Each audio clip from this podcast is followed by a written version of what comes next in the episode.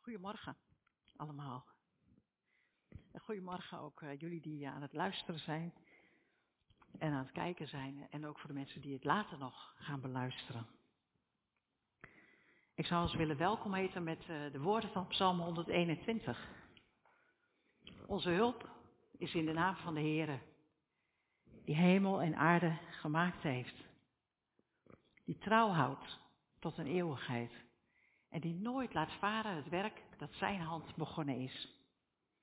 Genade zij u en vrede, toch God de Vader, de Zoon, in verbondenheid met de Heilige Geest.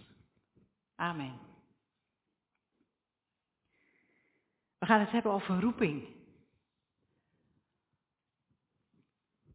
Toen ik aan het voorbereiden was, kwam ik tegen dat roeping uh, iets was wat ongeveer tot de 20e eeuw van belang was. En daarna kwam er niet zoveel meer voor. Maar het was nog niet helemaal verdwenen, roeping.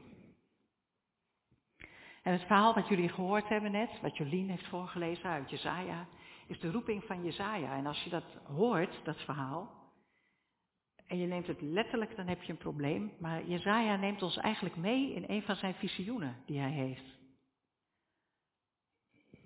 En het is zijn En ik wil een gedeelte met jullie lezen uit Lucas 5, dat wil ik graag zelf met jullie lezen.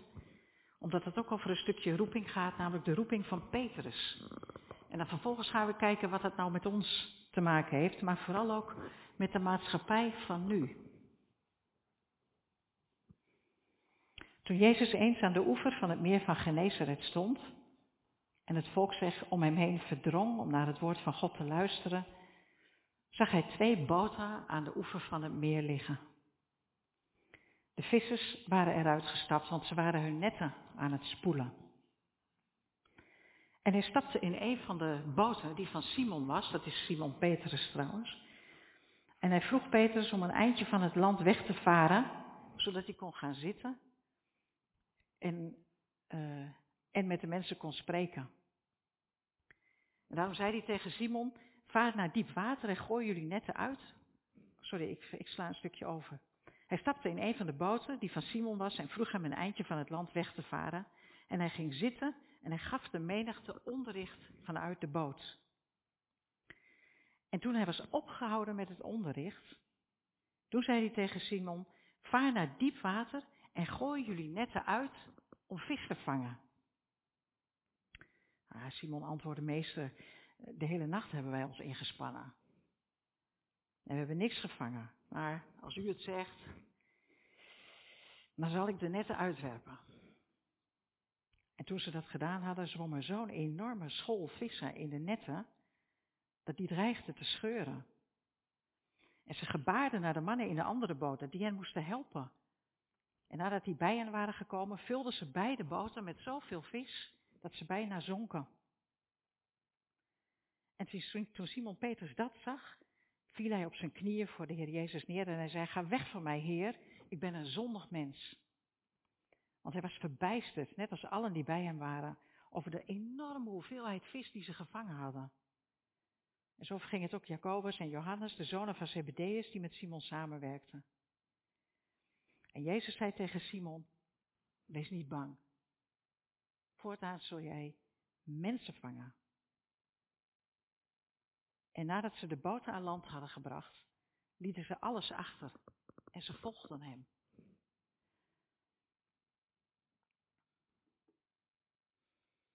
Twee hele uh, verschillende verhalen.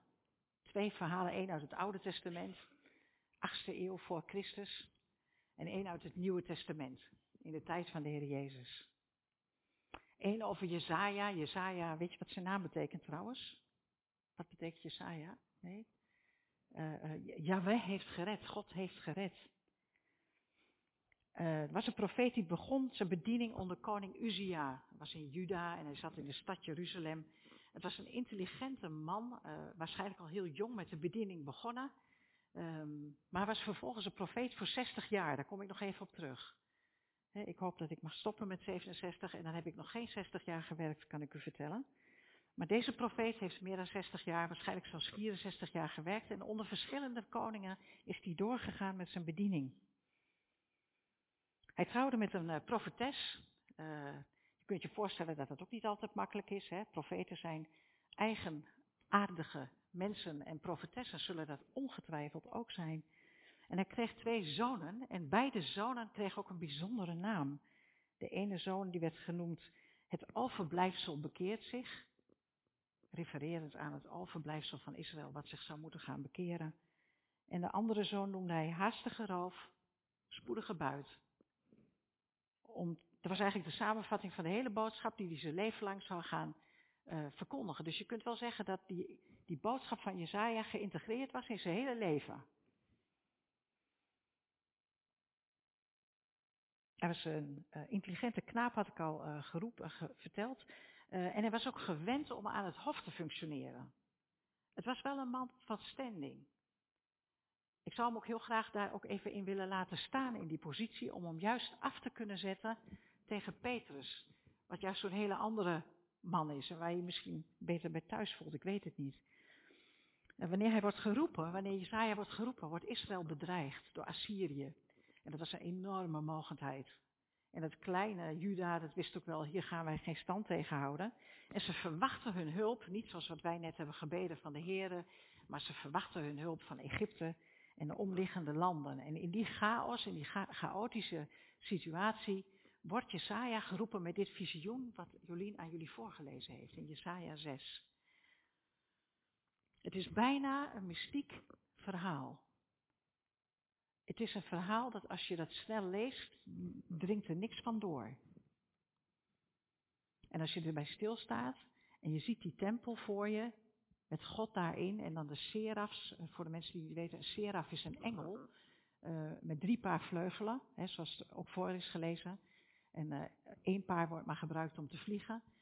Maar het was eigenlijk een groot beeld, bijna onbegrijpelijk van God in zijn, in zijn grootheid. En Jezaja als beroepsprofeet wordt diep geraakt door dat beeld. Een totaal verschil met Petrus. Simon Barjona, zoon van Jona, is gewoon een Joodse visser, werkt op het meer van Genezaret. Dat doet hij samen met, uh, met Andreas, zijn broer. ze leven van de, van de visvangst, zijn gewoon harde werkers. Uh, je zou kunnen zeggen, gewone werklui. En s'avonds en s'nachts visten ze en overdag waren ze dan met uh, wat ze binnen hadden gehaald bezig en dan verkochten ze dat. En ze wisten heel goed wat ze deden en ze hadden nu een hele nacht gevist en ze hadden niks gevangen, want ze waren nu al bezig met de netten schoonmaken. Het was eigenlijk klaar. En dan ontmoeten ze Jezus. Jezus die, uh, die in het nauw komt, omdat er zoveel mensen zijn die zijn verhalen willen horen. Uh, en Jezus die dan vraagt naar een bootje van, joh, jouw bootje is toch leeg, mag ik jouw bootje gebruiken? Uh, nou ja, weet je, Simon was niet de beroerdste hoor. Ik bedoel, hij had die boot op dat moment niet nodig. Dus het is heel makkelijk om dat dan aan Jezus te geven als je het toch niet nodig hebt. Leuk om dat even te koppelen aan de bitcoins waar uh, net aan gerefereerd werd dat we die konden geven. Maar goed, hij was niet te beroerd en hij geeft zijn bootje aan de Heer Jezus. En Jezus die gaat daarin zitten en die vertelt zijn verhalen en die is met die massa bezig. En je kunt je bijna voorstellen, als je dat een beetje voor je ziet, dat Petrus wel zo al schoolmakend meegeluisterd heeft naar het verhaal van Jezus. En op een gegeven moment is de Heer Jezus klaar. Maar dan begint eigenlijk het verhaal pas. Want dat is het moment dat hij aan die visser, die beroepsvisser vraagt, ga nou even vissen joh, overdag. En niet, niet in ondiep water waar normaal de vis zit, maar gewoon diep, in diep water. Doe dat nou maar even. Nou, je voelt bijna de weerstand en de wrevel van Petrus. Die echt zoiets heeft van, oké, mijn bootje mag je best gebruiken, geen probleem, ik heb het niet nodig. Maar nu mij laten gaan vissen, terwijl ik de hele nacht gewerkt heb. Maar ja, Jezus was wel een rabbi, hè. Dus nou ja, omdat u het zegt. Ja, als je, eh, onze kinderen zeggen dan, uh, wat jij wil, en dan bedoelen ze, ik wil het eigenlijk niet. Maar ja, als het moet, dan moet het. En zo gaat eigenlijk Petrus doen wat de Heer Jezus gevraagd heeft van hem. Nou ja, de rest van het verhaal heb ik net voorgelezen. En je ziet dat Petrus dan ook totaal niet geraakt is door het hele verhaal wat Jezus verteld heeft. Hè? Wat die prachtige, waar al die mensen naar hongerden en dorsten. Die allemaal het verhaal wilden weten. Heeft hem niks gedaan hoor. wat hem wat deed was het feit dat er opeens zo verschrikkelijk veel vissen gevangen werden, dat het gewoon niet te geloven was. En toen drong tot hem door van, wow, hier zit iemand die is bijzonder. Petrus werd geraakt in wat hij begreep. Als hij zo'n visioen had gehad van Jesaja, had hij er waarschijnlijk helemaal niks mee gekund. Had hij misschien gedacht, ik ben nu aan het trippen, ik weet niet of ze dat toen al deden. Maar hier klopt, hier klopt iets niet, had hij dan waarschijnlijk gedacht. Maar hij had totaal niet dezelfde reactie gehad, want hij zat anders in elkaar. Twee heel verschillende mannen in twee heel verschillende tijd, uh, tijdperken. En beide komen zoals ze zijn. Beide hebben een ontmoeting met God. De een met God, God de Vader, de ander met Christus, Gods Zoon. En uh, vervolgens verandert hun leven, dat wordt nooit meer hetzelfde. Niet bij Jezaja en niet bij Petrus. En bij Jezaja gebeurt het wel overwogen. Daarom is dat ook zo'n pakkend stuk. Kom ik zo meteen nog even op terug. En bij Petrus gebeurt het allemaal wat rauwer en wat rommeliger en vanuit de buik, hè, zoals Petrus ook de rest van zijn leven leeft. En ergens op die lijn, hè, met aan de ene kant dit hele spirituele, dat is bijna mystieke van, van Jezaja, ik moet het eigenlijk zo doen, van Jezaja en aan de andere kant Petrus, de rouwdouwe Petrus, daar zitten wij ook, hè. Ergens zitten wij ook in ons leven. En worden ook geroepen. Want er gebeurt wat in die ontmoeting. Jezaja ziet opeens de Heere der Heerscharen, God in al zijn grootheid. En in die ontmoeting met die God, die zo hemels is, valt hij stil. En hij is zich er pijnlijk van bewust van zijn eigen mens zijn en van Gods, God zijn, Gods grootheid. En hij vraagt zich oprecht af, overleef ik dit eigenlijk wel? En hij valt letterlijk stil. En dan hebben jullie gehoord dat God zorgt met een seraf, met zo'n engel voor een gloeiend kooltje. En dan heeft hij hem eigenlijk vrijgezet. En vervolgens stelt hij de vraag, wie zal ik zenden? En in het verhaal van Simon Petrus laat, je, laat Jezus zien wie hij is door die vangst op klaarlichte dag. Tegen natuurlijk qua momentum en qua hoeveelheid. En ook Petrus wordt zich bewust van zijn eigen plek. Ik ben klein, ik ben een zondig mens, zegt hij. Ze kunnen niet tippen aan de grootheid van God. En dat realiseren ze zich allebei. Ze voelen in één keer die kloof die er is tussen God in zijn grootheid en henzelf als mens. Nou weet je, voor heel veel mensen onder jullie is dit een hele bekende boodschap. Als ik nou gewoon zou vragen aan jou van, joh, ben je geroepen? Weet je je geroepen door God? Weet je je gekend door God? Dan gaan er vast heel veel vingers omhoog. Maar wij leven nu in een wereld. Ik heb even nagedacht of ik een typetje neer zou zetten in het begin. Maar ik denk, ja, het komt misschien ook niet helemaal over als je dat uh, alleen maar hoort en niet ziet. Dus ik, ik heb daarvan afgezien. Maar we zitten in een wereld uh, die heel gefragmenteerd is. En gefragmenteerd betekent, je kent het wel, je hebt filmfragmenten, hè? fragmenten, stukjes.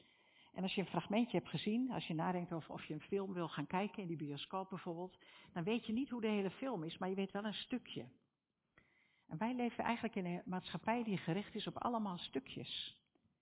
We zijn niet meer heel. En ik wil dat graag uitleggen. Uh, Henry Nouwen noemt dat de atomaire mens. we zijn allemaal kleine atoompjes, uh, maar we zijn eigenlijk de, de verbinding met onszelf en met de wereld zijn wij kwijt. En dat betekent ook dat de mensen in deze wereld anders kijken naar ons verhaal wat wij vertellen. Daar zijn we nu ook in Nederland mee bezig van wat heeft de kerk nou nog te bieden op dit moment aan een wereld die zo gefragmenteerd is, in stukken is. Nou, wat is dat dan, die gefragmenteerdheid? Uh, ik denk dat de ouderen, en ik maak, uh, ja, ik ben zelf ook niet meer de jongste namelijk, maar goed. Uh, ik denk dat de ouderen nog zijn opgevoed met een soort historisch besef. Je kwam ergens vandaan.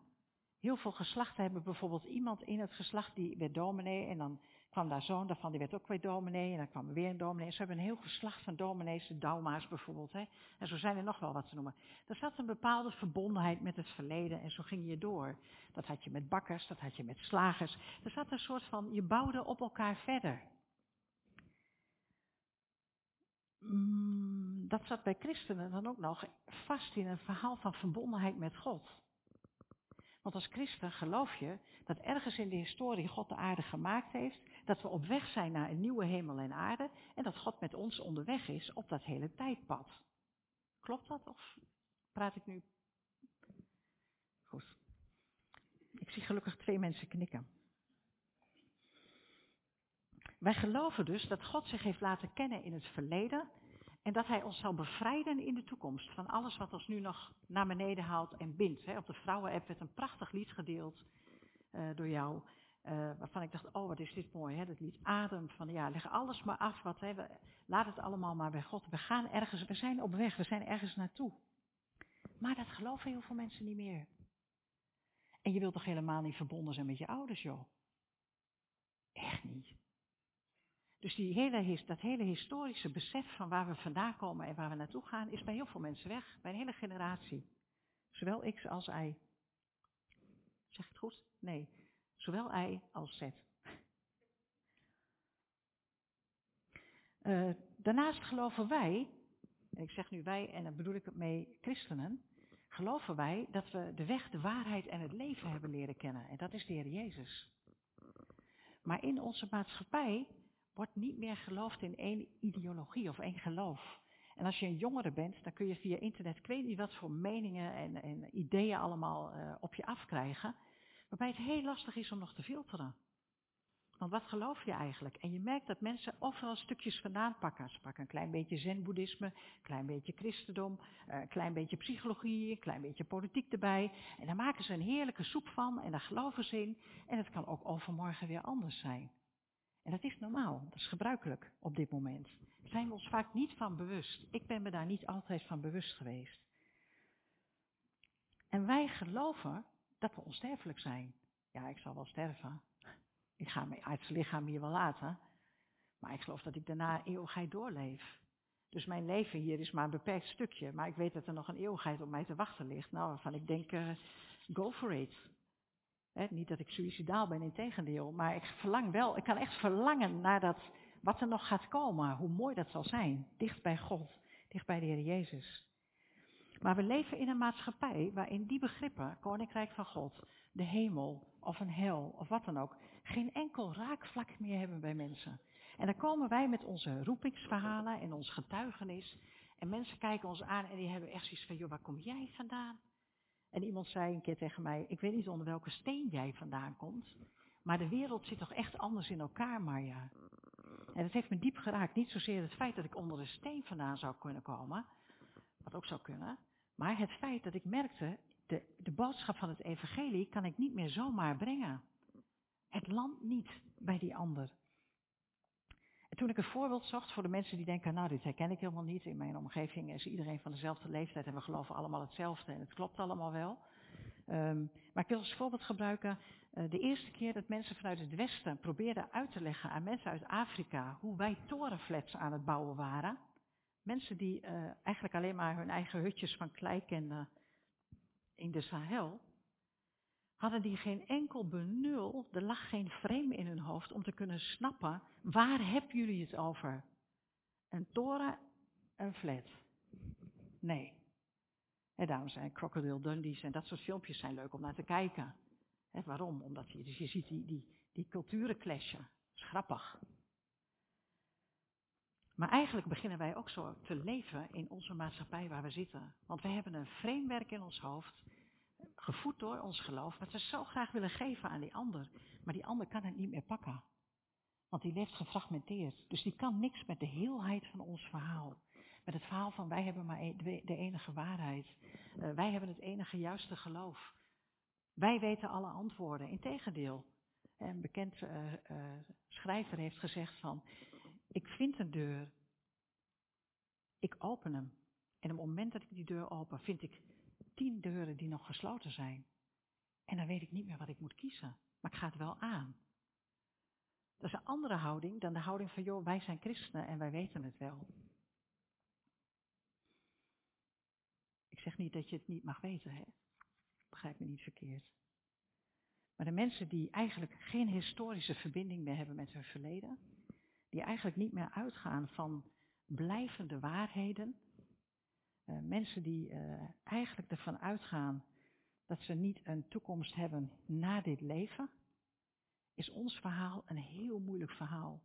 En dan kun je nog zo geroepen zijn en je nog zo geroepen weten, dan vraagt het wat van ons om dat over te kunnen gaan brengen. Het is voor deze generatie ontzettend moeilijk om te snappen dat we aan de ene kant uh, technisch verschrikkelijk veel kunnen. We kunnen voor onze lol naar Mars, hè, als we geld genoeg hebben. Maar we zijn niet in staat om COVID te beteugelen. We verdienen meer geld met z'n allen dan ooit in het hele bestaan van deze wereld. Maar we zijn niet in staat om de armoede te beteugelen. We hebben meer inzicht in hoe de aarde werkt, maar we zijn niet in staat om op een duurzame manier met haar om te gaan met die aarde en we trekken haar gewoon leeg. En dat geeft onvrede bij heel veel jongeren. Nou, je kent ze. Uh, de mensen die het gewoon, alle jongeren die het er niet meer mee eens zijn hoe deze wereld gerund wordt. En ik moet eerlijk zeggen, misschien herken je het ook wel, dat je ook denkt van ja, nou weet je, ik kan het toch niet veranderen. Maar het geeft een bepaalde houding waar mensen in deze wereld heel weinig mee kunnen. Want die zijn op zoek, jongens. De mensen om ons heen zijn op zoek en misschien ben je er zelf ook wel bij. Want dit, dit denken wat om ons heen is, beïnvloedt ons natuurlijk ook. En misschien ben je het wel tegengekomen. Ik kom het tegen bij jongeren. Als je het hebt over stille tijd hebben, uh, Bijbel lezen aan tafel, um, bidden überhaupt, uh, beleidenis doen, trouwen. Uh, allemaal dingen waarbij mensen je aan kunnen kijken van, joh, waar gaat dit over? Dus dingen die voor ons heel vanzelfsprekend zijn, zijn het voor een ander niet meer. Want die leven in een gefragmenteerde werkelijkheid. En ja, dat je nu een huwelijk hebt, wil niet zeggen dat je dat over vijf jaar nog hebt. En dat je nu dit gelooft, wil niet zeggen dat je dat over vijf jaar nog gelooft en zo verder. Hoe kan God dan deze generatie roepen? En hoe kunnen wij ons laten inzetten? Weet je, aan God gaat het niet liggen. Als hij in Jesaja op deze manier kan roepen, ik zou het niet verzonnen hebben. En als die Petrus roept op die manier, die bij Petrus aanhaakt, als hij mij heeft kunnen roepen in 1984, dan kan hij iedereen roepen natuurlijk. Hè? Alleen bij mijn roeping werd gebruik gemaakt van het grondpersoneel. Er waren namelijk twee christenen die met mij in gesprek gingen. Christenen die, eh, waarvan de ene alleen maar aan het zenden was. En daar kon ik prima mee handelen. Want ik voelde me niet geroepen om daar iets mee te doen. En één eigenlijk vragen begon te stellen. En die werd lastig, want toen kwam het dichterbij. En die kon ik niet handelen. En toen die Christus daar dan ook nog bij inbracht met Psalm 139, kon ik alleen maar mijn knieën buigen en terugkomen bij God. We hebben eigenlijk met deze twee mannen, met Jesaja en, uh, en Petrus, hebben we twee mogelijke oplossingen van hoe je met roeping om kan gaan. De een heel mystiek, en dat zie je ook bij heel veel mensen. Ze gaan naar binnen, ze gaan reflecteren, we gaan een beetje mediteren, ook christenen zijn daarmee bezig. Nou, dat is niet erg hoor, het komt ook vanuit de kerk, dus maakt niet uit. Maar het is wel belangrijk vanuit welke bron je dat doet en wat je ermee wil bereiken. Dat is de ene kant, hè, dat is die mystieke kant. En dat heb je ook gehoord in de gebeden. Hè. Iemand ging heel erg naar de beleving en het gebed en een prachtige droom. En hoe God daarin haar tegemoet kwam. Dat, die zit meer aan de kant van Jezaja, zou je kunnen zeggen. En aan de andere kant zijn de mensen die gaan juist heel activistisch. Dat zijn de revolutionairen, die zitten ook in de kerk, die willen dingen veranderen. Die willen, hè, die, willen uh, vergeef me als ik er niet genoeg gedaan heb, zeg jij dan ook nog. Hè, van kom op, we zijn er. Die twee manieren zijn er. En je ziet het in de hele wereld, mensen die twee kanten pakken. En dan vind ik het mooie dat de Heer Jezus beide doet. De Heer Jezus werkt vanuit zijn roeping geroepen om de wereld te redden. En hij is aan de ene kant die mysticus, hè, die naar God gaat, die naar binnen gaat, naar God, God echt zoekt, echt bidt. Uh, we zouden nu zeggen, het moeilijke woord contemplatief, hè, dat hij heel dicht bij God wil zijn, om hem te kunnen snappen, te volgen, bij hem te zijn. Je zei bij hem op schoot zitten. En aan de andere kant is de Heer Jezus degene die confronteert. En die zegt, de geestelijke leiders confronteert met alles wat ze aan het doen zijn, wat mensen uit de relatie met God zijn vader trekt. Want uiteindelijk ging het alleen maar daarom. Waarom wordt Jesaja geroepen? Soms zijn we zo bezig met dat iedereen profeet moet zijn, dat het bijna lijkt alsof dat de enige nog is in de hele evangelische wereld wat het toe doet. Maar hij werd geroepen om profeet te zijn, om het volk terug in een relatie met God te krijgen. Dat was de bedoeling. Niet om te, te, te, zeggen, oh kijk mij eens, ik ben de, ik ben de grote profeet, Jezaja. En Petrus werd geroepen niet omdat hij als visser geroepen werd om te roepen, kijk mij eens, kijk mij eens. Ook al deed hij dat wel een beetje. Maar ja, dat werd ook aardig afgestraft, zeg maar. Door hemzelf overigens. Nee, hij werd geroepen om anderen het evangelie te vertellen. En wat is dat evangelie dan? Joh, dat is niet dat we voor alles moeten doen voor God. Dat is in relatie met God gaan leven. Ik kan dat niet genoeg benadrukken. Het gaat er niet om, om wat we allemaal gaan doen voor God. Maar God wil eerst die relatie hebben met jou. En vanuit de relatie met God het dichter bij Hem komen. Tot rust komen. Uh, soms moet je daarvoor tegen een plank oplopen. Soms moet je er ziek voor worden. Soms moet je je baan kwijtraken. Whatever. Soms moet er echt wat gebeuren in je leven. Waardoor je denkt, oké, en nu kan ik een heleboel dingen niet meer. En dan kom je misschien tot rust bij God. Want we vinden het fijn om erover te zingen. Maar het is eigenlijk helemaal niet zo handig om dat te doen. Want in die relatie met God zie je jezelf. En kom je je eigen gespring tegen en je eigen falen en je eigen, net als, net als Jesaja en net als, uh, als Petrus, dat je denkt, oh God, laat mij maar zitten. Wat ben ik nou toch ook weer aan het doen? Angst. En wat zijn we vaak bang in de kerk? Wat zijn we vaak bang? We zijn bang voor COVID, we zijn bang voor elkaar, we zijn bang om het verkeerd te doen. We zijn bang wat de mensen over ons zeggen. We zijn... En dan zegt de Bijbel, maar de echte liefde drijft de vrees uit. En dat zie je dat dat gebeurt in de ontmoeting met Jezaja, die daarna helemaal niet bang meer is. Met een Petrus, die na die ontmoeting met, met Jezus helemaal niet bang meer is en er gewoon voor gaat.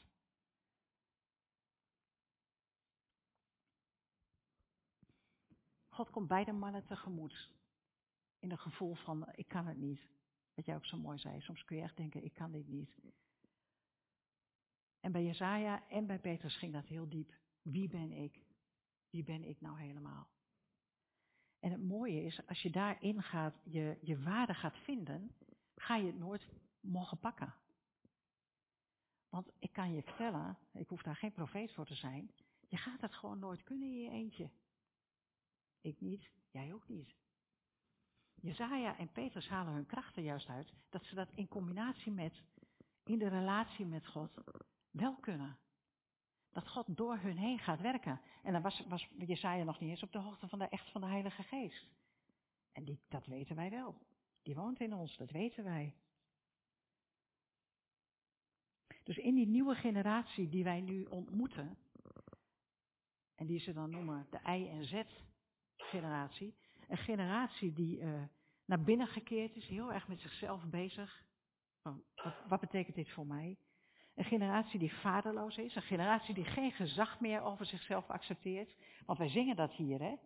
U bent de vader, wij willen, u bent onze Heer, wij willen ons onder u stellen. We zitten in een wereld waar, waar mensen echt denken, wat, wat, zijn jullie aan het doen joh? Onder wie stel je je dan? Wie is dat dan? Wat is dat? Wil je dat eigenlijk wel? Die niet begrijpen dat wij dat voor ons plezier doen.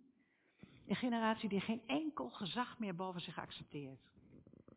Dat is niet helemaal waar, alle normale gezag, normaal vaders, opa's, uh, weet ik veel, dominees, uh, andere gezagsfiguren, noem maar op. Maar bij hun wordt de gezagsfiguur, wordt hun peergroup, worden hun collega's, worden hun vrienden. En als jouw vader een keer kwaad op jou wordt, dan ben je ongehoorzaam, dan heb je misschien ruzie, voel je je misschien schuldig, maar dat komt wel weer goed. Maar als je in een groep zit, waar de jongeren met elkaar gaan bepalen wat de regels zijn en jij gaat daar de mist in en je doet niet wat de groep van je verwacht, dan kun je uitgestoten worden. Dan hoor je er niet meer bij. Er is niks ergers dan dat. Want onder al dit, die gebrokenheid in de wereld zit die diepe verlangen om ergens bij te horen. We hebben het zelfs net gezongen, hè? dat de schreeuw in je lijf voelen dat er meer is. Ingeschapen door God gelukkig. En daarom zien we zoveel jongeren uh, en ook, uh, ik bedoel met jongeren uh, tot en met minimaal 25, 30 jaar. Mensen die eigenlijk ontevreden zijn over hoe de wereld in elkaar zit, maar ook zien, het is zo moeilijk om het te veranderen. Wat is dan de zin en het nut van deze wereld nog? En dan komt echt de vraag naar ons toe, jongens, als gelovige mensen. Waartoe zijn wij dan geroepen? Als jij nog niet zo'n ontmoeting met God hebt gehad, zo'n, ik zou het bijna zeggen, een life-changing event, Weet dan dat God dat wel met jou wil. Dat God erop gericht is om met jou die relatie te hebben. Dat God een relatie met jou wil zoals jij bent. Uniek. Zo'n relatie heeft hij met niemand anders. En als wij dat al gehad hebben, zo'n verandering, dan zijn we eigenlijk geroepen om dat te gaan delen. Maar hoe deel je dat nou? Zonder te vervallen in alleen maar zenden. Hoe komen we nou zo verder te zeggen, het is niet alleen maar Jezaja, Petrus en Marja, maar de hele wereld om ons heen. Die we mogen vertellen van het goede nieuws, want dat is tenslotte onze roeping. Een wereld die heel vluchtig is, hè, waarbij het contact, want het is al, ik preek nu alweer te lang eigenlijk, hè, waarbij eigenlijk iedereen maar acht minuutjes kan luisteren, maximaal. En dan is de aandacht alweer verflauwd, dan moeten we eigenlijk een oefeningetje doen of zo, of weet je, iets in beweging doen. En toch is dit de wereld waar we zoveel verschil kunnen maken door er echt te zijn. Niet vol met je eigen verhaal. Niet, niet vol, ook al weet je dat het helemaal de waarheid is, niet vol met jouw verhaal van waarheid. Maar met een open houding, en dat willen we. Hè? We willen een, een open thuis zijn. Een thuis waar mensen zich veilig voelen om te kunnen groeien. En wanneer voel jij je veilig? Wanneer je er mag zijn, wanneer er ruimte is voor je verhaal. Wanneer je mag vertellen hoe je er tegenaan kijkt, zonder dat de ander gelijk zegt, ja maar mijn Bijbel zegt. De uitdaging is er om uh, te gaan voor persoonlijke relatie. Luisteren. Nou, daar zijn we vaak niet zo goed in, maar dat, kunnen we, kun je leren, weet ik. luisteren naar de ander. Uh, verhalen laten vertellen. Met de mensen mee mogen wandelen, op weg gaan. Er zijn niet alleen op het mooie moment, met leuke feestjes en dat soort dingen, maar ook als het niet goed is. En dan niet gelijk met een preek, maar gewoon dat je er bent. Dat de ander zijn verhaal mag vertellen. En niet dat je wacht op die ene cliffhanger waarbij je dan het evangelie erin kan rammen.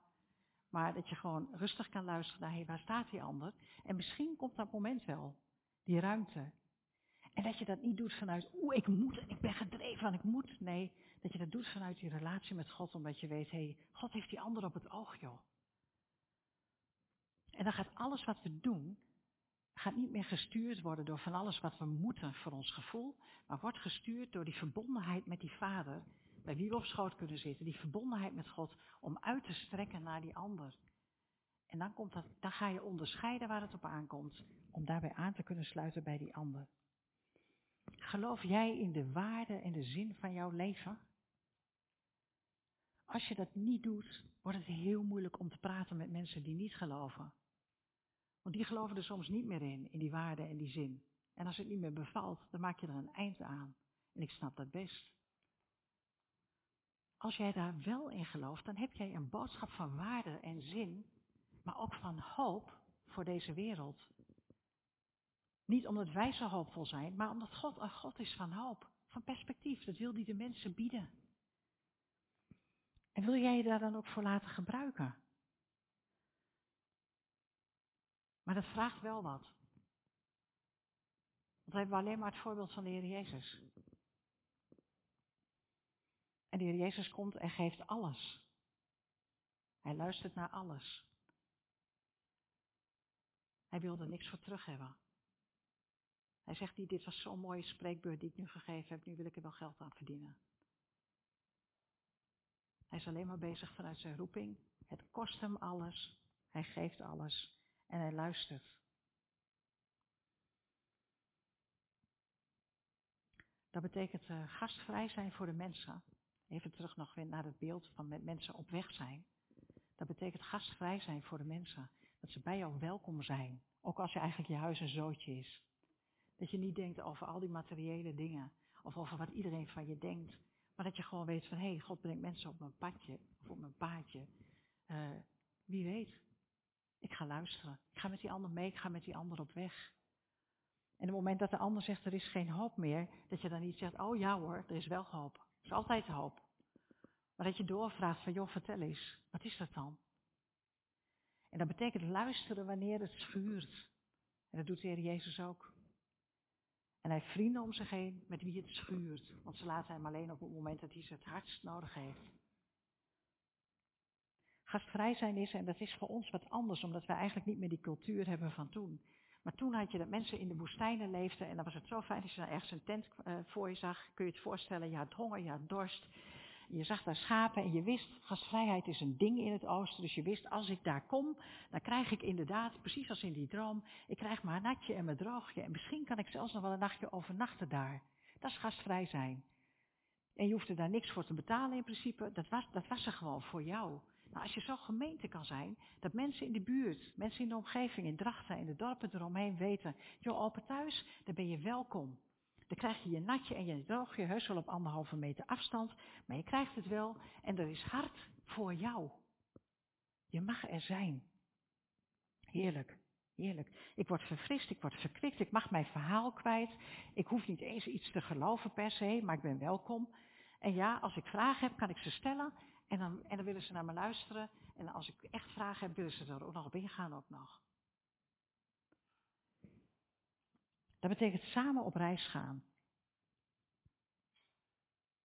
Want we zijn geroepen om een mooie, vrije, vreesloze plek te creëren. Dit heb ik niet van mezelf hoor. Dit heb ik van, uh, naam mij nu even ontschoten is, maar die komt vast wel weer terug. we zijn samen op reis geroepen om een vrije, vreesloze plek, te creëren voor onverwachte bezoekers. Met ruimte voor de bezoeker om tot zichzelf te komen en zichzelf te leren kennen en daarmee God. En erin houden. Want juist in de stilte, juist in de relatie waar ruimte is, is ruimte om te reflecteren op mezelf. Is ruimte om onszelf bij God te brengen. Is ruimte om kwetsbaar te kunnen zijn. En om te vertellen dat je zelf ook worstelt. En dat je ook niet alle antwoorden hebt. En niet op een manier van, nou, dat moet je maar niet vragen hoor. Dat weet, ik, dat weet mama ook niet. Nee, dat weet ik niet. En ik heb een diepe geloof dat God het wel weet. Ik heb een diepe geloof dat hij met je meegaat. We gaan op reis. We zijn op reis. Een reis waarvan uh, Henry Nouwen zo'n mooi gebed heeft geschreven. Wat elke zondag bij Hour of Power klinkt. En dus jullie kennen het misschien wel. Ik ben niet wat ik doe. Ik ben niet wat ik heb. Ik ben ook niet wat de mensen over me zeggen. Maar ik ben Gods geliefde kind. Dat is wie ik ben. En niemand kan dat van mij afnemen. Ik hoef mij geen zorgen te maken. Ik hoef mij niet te haasten. Want ik kan Jezus vertrouwen en zijn liefde met de wereld delen. En dat is onze roeping. En als ik dan uh, afsluit, dan zou ik die willen afsluiten met de vraag van, joh, durf jij dat aan? Jezaja durft het aan. Petrus durft het aan. Deborah durft het aan. Uh, Maria durfde het aan. Durven wij het aan? We gaan zo meteen uh, twee liederen zingen. Uh, opwekking 560, we zingen eerst de eerste twee coupletten. Dan staan we op voor de zegen en dan zingen we het laatste couplet. Maar daarvoor zou ik uh, een lied willen voordragen, omdat het een mooie afsluiting is van deze preek. Wij reizen met elkaar. Wij wandelen hand in hand. De een zij tot troost, de ander. Op weg naar het vaderland. Kom, sterk opnieuw de moed. Wees rustiger en blijer. En van aardse banden vrijer. Want ons wacht een eeuwig goed.